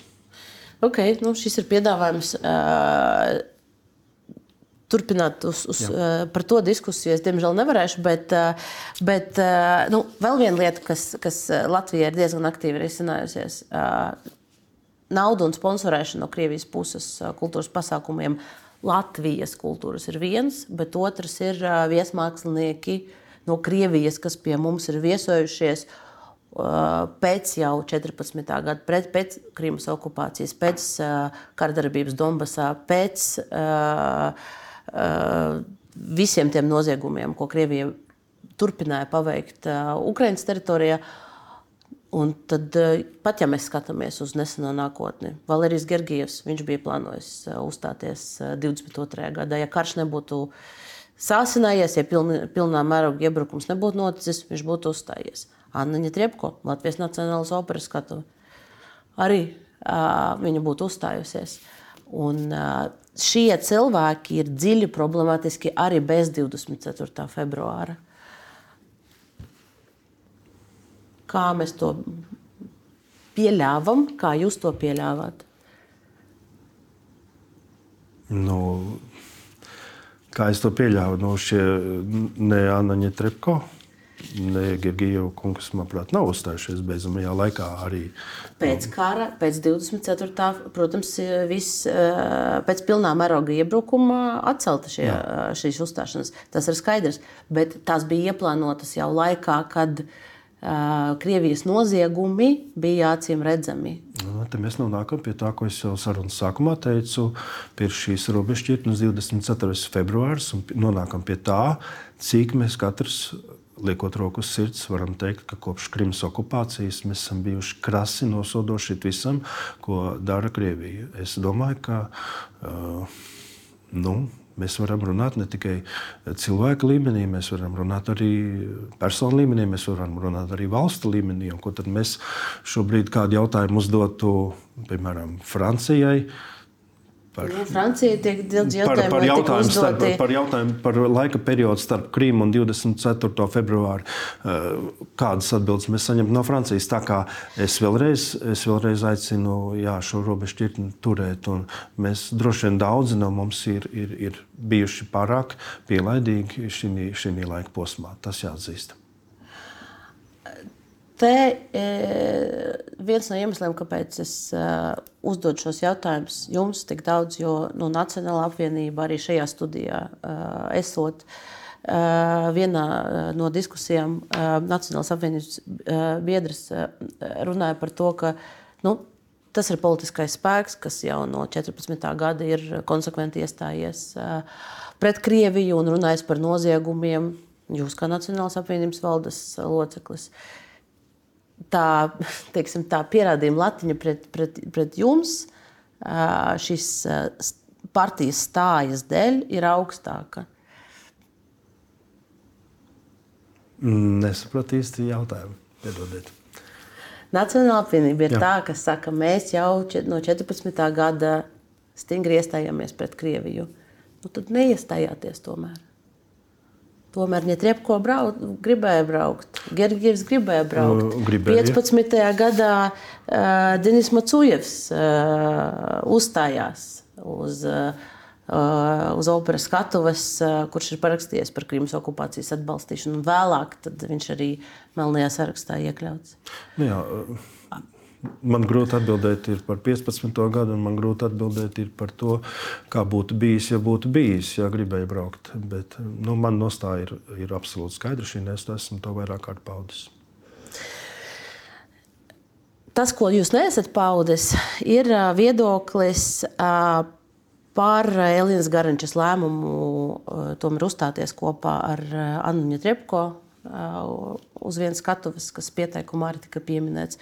Vai jūs šobrīd varbūt varat vērtēt viņa soli? Ar prieku. Uh, vairāk par Elīnas Garančas uh, lēmumu šo darīt mani uztrauc uh, valsts vīnas operas lēmums, un vēl jau vairāk arī līdz ar to arī Austrijas kā valsts lēmums. Ja mēs atgriežamies pie pašas Elīnas Garančas personības, tad uh, Elīna Garanča ir brīvmāksliniece. Savu nosodījumu karam viņa ir paudusi skaidru un nepārprotamu pirmajās kara dienās. Uh, es esmu pilnīgi pārliecināts, ka Elīna Garanča sperot šo soli un izvēloties piedalīties vienā operas izrādē kopā ar Annu Trepko, Eh, ir daudzkārt šo pārdomājusi. Un es domāju, ka lieliski apzinās, ka par šo soli būs ļoti pretrunīgi viedokļi ne tikai Latvijā, bet arī Eiropā. Es domāju, ka Elīna to ir rūpīgi izvērtējusi, analizējusi un acīm redzot savas dziedātāja mākslinieka karjeras, kuras, kā zinām, nav ļoti, ļoti ilgmūžīgas eh, savas karjeras vārdā, ir izlēmusi par šādu soli, apzinoties, vēlreiz es uzsveru, apzinoties, ka tas nevar neatstāt iespaidu uz viņu kā personu ne Latvijā, ne arī citur Eiropas Savienības valstīs. Tas ir apzināts solis, uz ko viņi ir gājuši, apzinoties visus riskus un sekas. Un atgriežoties pie, pie, ši, pie manas jautājuma, kāds ir jūsu viedoklis par to soli? Man kā māksliniekam būtu, būtu grūti izvērtēt visus tos argumentus, kāda bija Elīnas rīcībā, kas tajā brīdī, cik nozīmīga viņai šī brīdī bija šī konkrētā izrāde, cik nozīmīga tā bija viņas karjerā. Ja, ja, ja, ja vēl Elīna nebūtu tik nepārprotami un skaidri un ļoti labi e, pozicionējusi savu viedokli nākamajās dienās pēc kara sākšanās, es vēl varbūt šaubītos, bet šeit šaubu nav. Tā kā es vēlreiz uzsveru, ka, ka Es domāju, ka Elīna tā bija ļoti, ļoti smaga izšķiršanās. Droši vien, tā ir tikai un vienīgi viņas izvēle. Arī viņai būs jāatbild par to, par tām sekām, kādas tās būs no vienas vai otras sabiedrības daļas. Bet, ja jūs man vaicātu par, par kādām institūcijām, kas nav vairs privāta persona izvēle, bet kas ir mūsu valsts institūcijas, nu, piemēram, par mūsu Latvijas Nacionālo operu kur nesen rādīja Čekauska pīķa dāmu, un vēlaties man subjektīvo viedokli, tad, ja es nebūtu vien ministrs, bet būtu pat operas valdes priekšsēdētājs, es šī kara laikā neiestudētu Čekauska pīķa dāmu. Tā būtu mana izvēle, ja jūs vēlaties man subjektīvo viedokli. Es vēlējos sub subjektīvo viedokli par uh, Garančas un, un, un Ņetriepu uzstāšanos kopīgo, uh, jo jūs minējāt, ka atbildība ir, uh, ir, ir Austrijai un, un Vīnas operai, bet Bet, bet kas, es, kas... Neteicu, gan. es teicu, ka man vairāk par vienas privātu, par vienas eh, mākslinieces, kas ir brīvmākslinieces viedokli vai rīcību eh, šādā situācijā uztrauc gan Vīnas valsts operas pielaidību pret šādu faktu, gan arī Austrijas kā valsts pielaidību. Tas man uztrauc pat vairāk nekā viena brīvmākslinieca. Labi, tā ir mūsējā, mūsu izcilā cienītā mākslinieca, taču es vēlreiz saku, tas ir Elīnas kā brīvmākslinieces lēmums ļoti sarežģīts lēmums. Es par to esmu pārliecināts. Vai jūs pats kā tenors kāptu skatos ar Ņetrepko? Nu, jāatzīst, es esmu. Man ir bijusi veiksme būt uz vienas skatos ar Ņetrepko ļoti, ļoti, ļoti, ļoti sen. Tad, kad Ņetrepko ne tuvu vēl nebija pasaulē atzīta māksliniece, šobrīd. šobrīd es to noteikti nedarītu. Ja arī tas būtu mans karjeras, nu, mēs te teoretizējam, jā, ja arī tas būtu mans karjeras augstākais punkts, es vienalga to nedarītu. Jo uh, Anna Ņetrepko atbilde man šķiet mazākais naiva. Uh, es nekādā gadījumā nepiekrītu viņas viedoklim, kur viņa saka, ka viņa grib sēdēt uz diviem un trim krēsliem un negrib būt dzimtenes nodevēja. Es noteikti neliktu vienlīdzības zīme starp Putina režīmu un dzimteni Krieviju kā tādu. To, ko šobrīd Anna Ņetrepko dara, es tam absolūti nepiekrītu. Uh, Tur, tur, tur ar, arī man jāpiekrīt. Uh, viens, uh, viena lieta, kas šobrīd, uh, kas šobrīd risinās un ir aktuāla, uh, ir iespējams mazāk. Uh, teiksim, tā viennozīmīgs gadījums, bet es arī gribētu zināt jūsu viedokli. Uh, Alisa Galva, uh, choreogrāfe, uh, laikmetīgas dēļas un baleta autoritāte. Uh, viņas choreogrāfija ir Alvija Hermaņa iestudējuma Janufa, kura kopija tagad Latvijas Nacionālajā operā pirmā izrāde ir piedzīvojusi februārī šogad. Alisa Galva ir nu, teiksim, tā, pēc kara viņa, viņa nav nosodījusi. Viņa, viņa turpina uh, iestudējumus Nāciju teātrī, Krievijā. Viņa turpina, uh, viņa joprojām Maskavas mākslas teātra studijas profesori. Viņa, arī, arī viņa sociālajie tīkli ir neparprotami norāda uz viņas uh, nu, kara atbalstu pēc būtības. Kā jums šķiet? Ir jābūt viņas darbiem šobrīd Latvijas kultūra telpā. Pat ja tā choreogrāfija ir, ir, ir radīta pirms, pirms kara. Uh. Šeit mēs nonākam tajā sarežģītajā situācijā, pat ja pirms kara. Jūsu, kāds ir jūsu viedoklis? Ja Čakovski nevajad, nevajadzētu, tad, tad te? Manā ieskatā šeit nevajadzētu būt izņēmumam. Es arī būtu atturējies šo vismaz kara periodā uzvest Rīgā. Lai cik arī opera bija grandioza un iespaidīga, es to šobrīd droši vien būtu atturējies darīt. Bet pēc jūsu atbildes es eh, secināju, ka jūs nezinājāt, ka tur ir iesaistīta šī, šī Kremlim eh, lojāla māksliniece. Nu, jā, līdz šim manā saskarsmē ir bijis tikai uh, mūsu diskusija ar, ar Hermaņu kungu par šo aktrisi Čopānu. Bet jā, par šo es tiešām ne. Jo, kā jūs zināt, arī Čupānas gadījumā es, es biju atbalstošs Hermaņa kungam. Jā. Jo tur parādījās ļoti izteikti šī robežšķirtne 24. februāris. Nu, jautājums, vai, še, vai, vai šajā gadījumā nu, jūs, jūs, jūs bija jāizsako līdzi tomēr?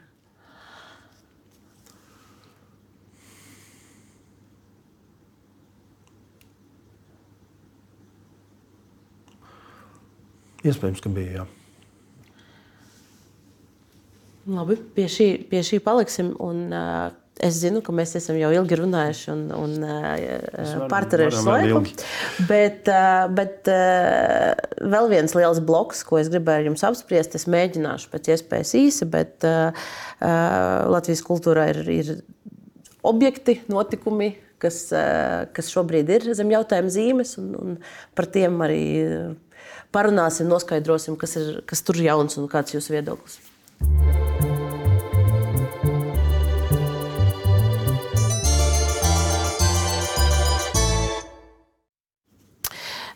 Sāksim ar pieminekļiem. Rīgas mērs Mārtiņš Stāčis izteicās, ka pašvaldībai šobrīd nesen ir, ir svarīgāk darbi, ar ko nodarboties. Nevis citēšu lemt par pieminiektu aizvākšanu, bet nu, pieminiektu padomus lēmumi ir, ir eksistējoši, ir, ir pieņemti. Es gribēju uzzināt jūsu viedokli. Uh, nu, vai jūs, prāt, jānovāc Puškina piemineklis, piemēram, Kronvalda parkā Rīgā? Ja jūs vaicājat, piemēram, Puškina piemineklis, tad es teiktu viennozīmīgi jā. Un uh, Andreja Upīša piemineklis? Andreja Upīša piemineklis, protams, būtu jādeportē no, no konkrētās novietnes, kur tas šobrīd atrodas. Jo, kā zināt, pēc mirkļa mazliet garāk vai mazliet īsāk tur būs mūsu Rīgas filharmonija. Tad pilnīgi noteikti Andreja Upīša piemineklis tur neiedarētos. Bet vai Andrija Upša piemineklim ir vieta pilsētvidē kopumā kā tādā? Man šķiet, ka vispiemērotākā, vispiemērotākā vieta Andrija Upīša piemineklim būtu Skrīveros, Andrija Upīša muzejā. Es saprotu, ka Es saprotu, ka no vizuālā viedokļa šis arī piemineklis ir neiederīgs no vizuālā viedokļa. Taču, manuprāt, tā būtu, tā būtu tāda Tas būtu labs risinājums, kur tiem ļaudīm, kas dodas uz eh, Andreja Upīša muzeju, būtu iespēja atsvaidzināt atmiņā un, un pakavēties atmiņās pie viņa literārajiem darbiem. Vienlaikus mēs neslēptu arī viņa personības šo sarežģīto duālo dabu un viņa, viņa nu, kā viennozīmīgi jāsaka arī viņu viņa darbus, kas bija padomju varas labā apzināts darbus. Atšķirībā no daudziem citiem māksliniekiem, kur mums būtu ļoti grūti, grūti pat vērtēt, un tas mums nāksies to darīt. Tas būs grūts process atšķirt, cik daudz tā ir bijusi vienkārši, nu, vienkāršā valodā sakot, konjunktūra, vai vēl vienkāršākā valodā sakot, nodevas, un kurā brīdī tā ir bijusi jau apzināta rīcība aiz pārliecības. Tas ir ļoti sarežģīts uzdevums, ja mēs runājam par, ne tikai par Andreju Upīti, bet par daudziem citiem. Bet vai kopumā mums šobrīd ir vajadzīgs nu, sava veida audits, kādi pieminekļi ir atrodami Latvijas pilsētvidēs, ko, ko tie nozīmē, kāda ir mūsu kopīga koncepcija, ko mēs gribam, negribam redzēt, vai mūsu pieminekļu sejās ir pietiekoši daudz sievietes pārstāvētas, kas ir svarīgs aspekts mūsdienās. Nu, redziet, nu, Vai jūs saskatāt tur? Nu, redziet, nu, mēs nonācām pie mūsu sarunas sākuma. Vai šobrīd ir jā, vajadzīgs audits? Jā, šobrīd ir īstais brīdis auditam, un ne tikai, ne tikai tam. Un tas, ko es minēju jau mūsu sarunas sākumā, Mēs runājam par eh, Latvijas radio 4 un mēs runājam par, eh, par izglītību valsts valodā. Šobrīd būtu vajadzīgs audits mūsu attieksmē pret Krievijas imperialismu, mūsu attieksmē pret sovietismu un 50 gadu okupāciju. Šis būtu īstais brīdis auditam. Tāpat laikā es. Ministrija plāno iespējams kaut kādu ne. neplāno. Tāpat laikā es uzsveru, ka no šīs, ja mēs runājam kaut vai pieminekļu kontekstā, tad šī sadaļa par uh, šo okupācijas armijas slavinošiem pieminekļiem Tā bija ļoti vienkārša. Tā Jā. bija ļoti vienkārši. Ja mēs runājam par pieminekļiem, eh, ne tikai kā skulptūrām, pieminekļiem, bet par piem, arī mākslas darbu, citi ir, varam vērtēt savā apziņā kā pieminekļus. Ja mēs jau ejam šajā kategorijā, tā ir daudz, daudz sarežģītāka lieta. Šeit, eh, manā ieskatā, mēs nevaram nekādā veidā šo risināt tikai politiski. Šeit mums ir noteikti jāiesaist arī akadēmiskā vide un būt, jābūt ļoti uzmanīgiem. Bet kādi konkrēti soļi no kultūras ministrijas puses šajā virzienā ir plānoti? Atgādināšu, ka katras katras pilsētas vidas pieminekļi ir šīs eh, pilsētas pašvaldību jautājums. Un kultūras ministrijas jautājums ir tikai tie, kas pieminekļi, kas ir kā valsts nozīmes kultūras pieminekļi. Un te, te nemaz tik daudz mūsu, mūsu vērtējumā nav. Taču kultūras ministrija un mantojuma pārvalde varētu tiešām, ja, mēs, ja šī vēlme veikt šo auditu būs tikpat liela kā tagad, mēs noteikti nāksim, nāksim tālāk ar savu redzējumu, kā to, kā to būtu viskorektāk darīt. Jūs jau pieminējāt, eh, runājot par, par eh, upīšu pieminiekli, pieminējāt eh, augstisko koncertu zāli, jeb filharmoniju. Tas projekts virzās. Jautājums ir par vēl vienu lielu projektu, kurš šobrīd nav, par kuru ziņu nav. Ir laikmetīgs mākslas muzejs, un es citēšu ziņu no Delfi portāla atrodama pirms diviem pusgadiem publicēta.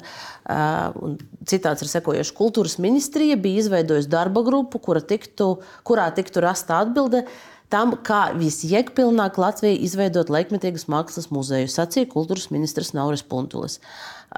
Un piebilda, ka termiņš šīs darba grupas darbam ir 18. novembris 2021. gads. Jā.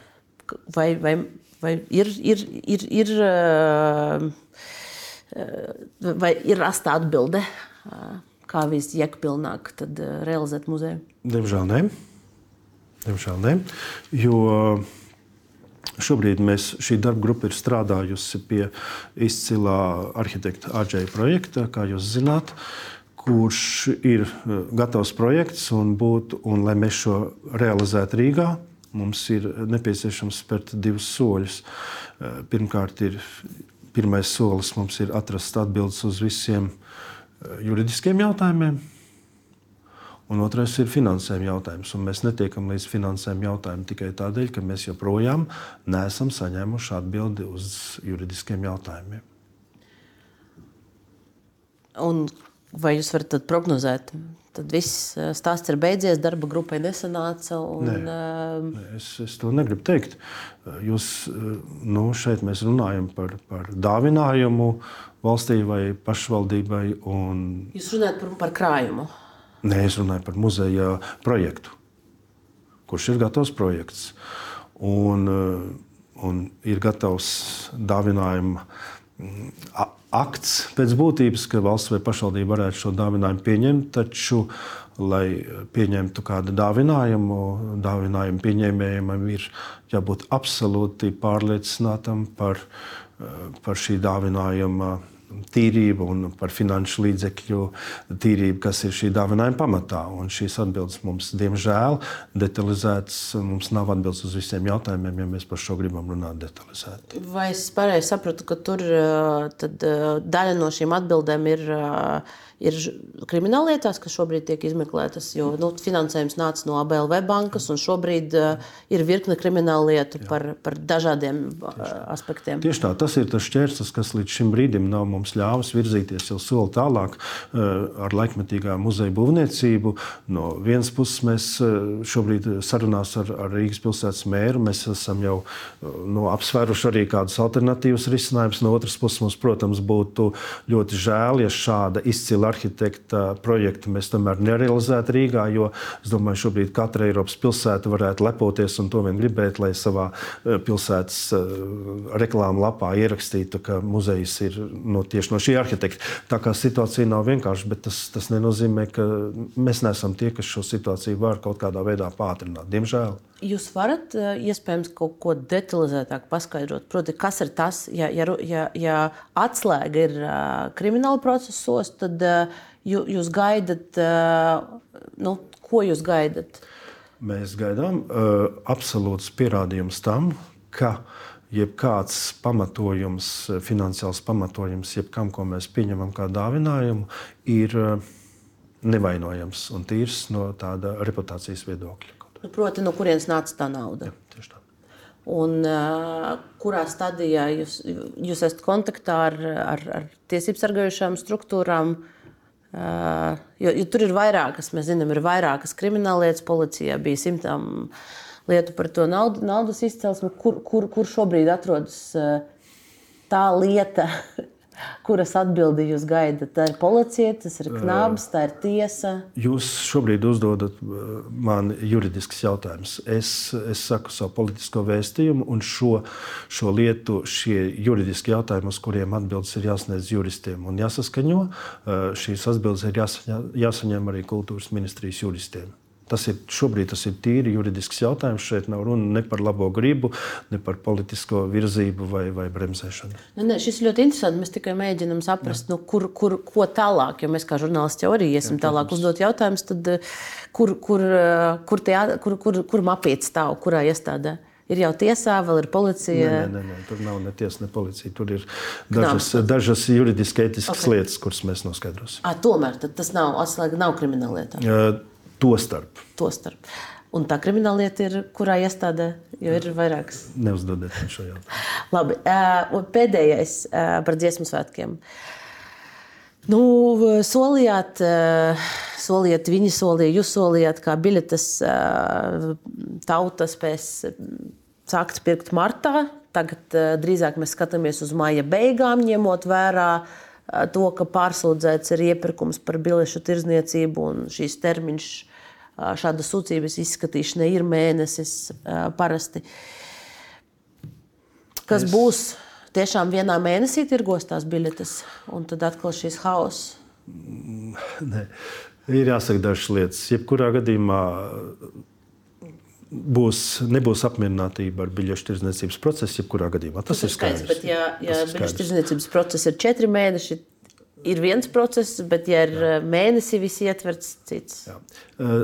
Uz ko mēs bijām cerējuši? Mēs bijām cerējuši, ka, ka ikvienam, ikvienam ir uh, skaidrs un nozīmīgs šis uh, mūsu nācijai tik svarīgais notikums, un ka mums ar šo lietu ies mazliet ātrāk uz priekšu. Ja arī tur nebūs vienprātības, diemžēl tas tā nav noticis.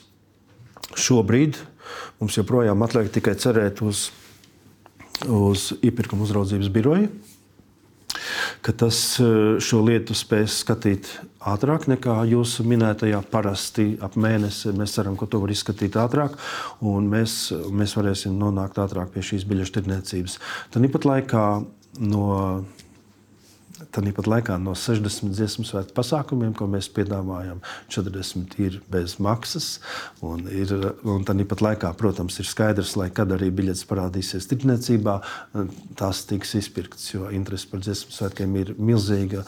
Par to nav šaubu. Protams, mēs apzināmies, ka mēs radām ar to, mēs esam radījuši pret savu gribu, ja negribot radījuši sarežģījumus tiem cilvēkiem, kuri plāno savu vasaras laiku, un varbūt pret tiem cilvēkiem, kuriem īpaši pret tiem, kuriem no visiem dziesmu svētku notikumiem, no 60 pasākumiem, varbūt ir saistoši tikai šie, šie trīs centrālie pasākumi. Mēs, protams, radām viņiem nērtības. Arī, arī, arī plānots. Gājiens jau nav par biļetēm. Gājiens ir par velti. Uh, bija informācija par, par, par iespējamām biļetēm, bet, bet uh, vēl viens jautājums, kas ir uzdodams par, par dziesmu svētkiem, šis būs uh, nu, tā konceptuāli man sagatavots kā pēdējais jautājums. Uh, arī kontroversiāls uh, aspekts, uh, par ko tika apspriests, kas, kas nu, nokļuva diskusiju virpulī. Vai jūsuprāt, un, un te tiešām atkal mēģinu noskaidrot jūsu viedokli, redzēsim, vai uz, uz šo izdosies. Vai jūsuprāt, dziesmu svētkos ir jāskan Kaspara Dimitra dziesmai Svētī debesīs šo zemi?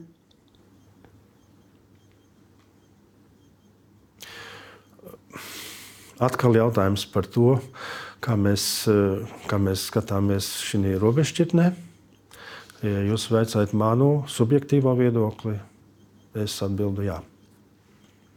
Neskatoties uz to, ka viņš pēdējā laikā izcēlies ar dziesmām, kas eh, nu, slavena Krieviju, veltīti es, Ukrainā bojagājušiem Krievijas algoritmiem? Es tomēr, es tomēr skatītos šīs dziesmas vērtības, šo dziesmas vērtību liktu kā pamatu.